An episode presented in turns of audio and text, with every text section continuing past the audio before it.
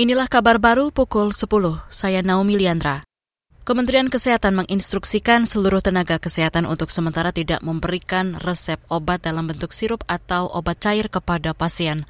Larangan sementara itu diambil sebagai antisipasi fenomena gagal ginjal akut yang kini meningkat.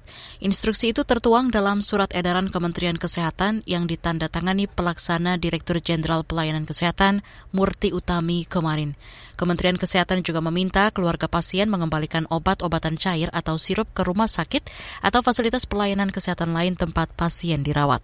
Dirjen Pelayanan Kesehatan Murti juga meminta anak dengan gejala gangguan ginjal akut progresif atipikal segera dibawa ke fasilitas pelayanan kesehatan untuk dilakukan pemeriksaan. Kita beralih ke berita olahraga. Kelompok supporter klub Aroma FC mendesak kepolisian menindaklanjuti temuan tim gabungan independen pencari fakta kasus tragedi Kanjuruhan terkait penghilangan kamera pengawas CCTV. Pendamping hukum tim gabungan Aremania, Andi Irfan Junaidi mengatakan, dari awal telah curiga polisi berusaha mengaburkan fakta dan menutupi hal-hal krusial di tragedi Kanjuruhan. Termasuk, kata Andi, terhapusnya rekaman CCTV di Stadion Kanjuruhan.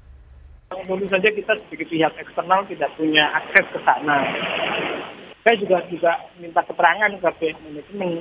Mereka juga tidak punya rekaman CCTV hmm. uh, yang ada itu sudah diambil oleh polisi semua. Karena ketika mau merekord itu sudah diperbolehkan oleh para rekaman oleh polisi ya nah urusan CCTV ini kan sangat vital dia ya. Karena itu menjadi rekaman otentik peristiwa Pendamping hukum tim gabungan Aremania Andi Irfan Junaidi juga menyebut dugaan adanya upaya menutup-nutupi fakta kasus kanjuruhan lainnya. Misalnya tidak satupun dokter yang menunjukkan visum otentik termasuk merinci penyakit korban. Selain itu ada upaya intimidasi terhadap keluarga korban terkait otopsi jenazah tragedi kanjuruhan.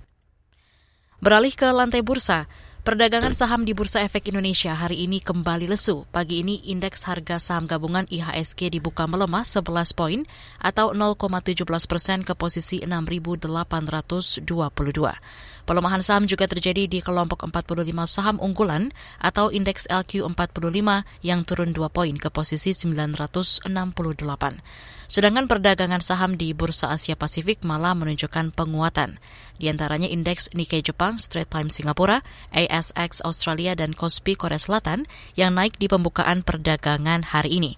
Sementara nilai tukar rupiah stagnan di posisi 15.465 per 1 dolar Amerika. Saudara, demikian kabar baru KBR. Saya Naomi Liandra.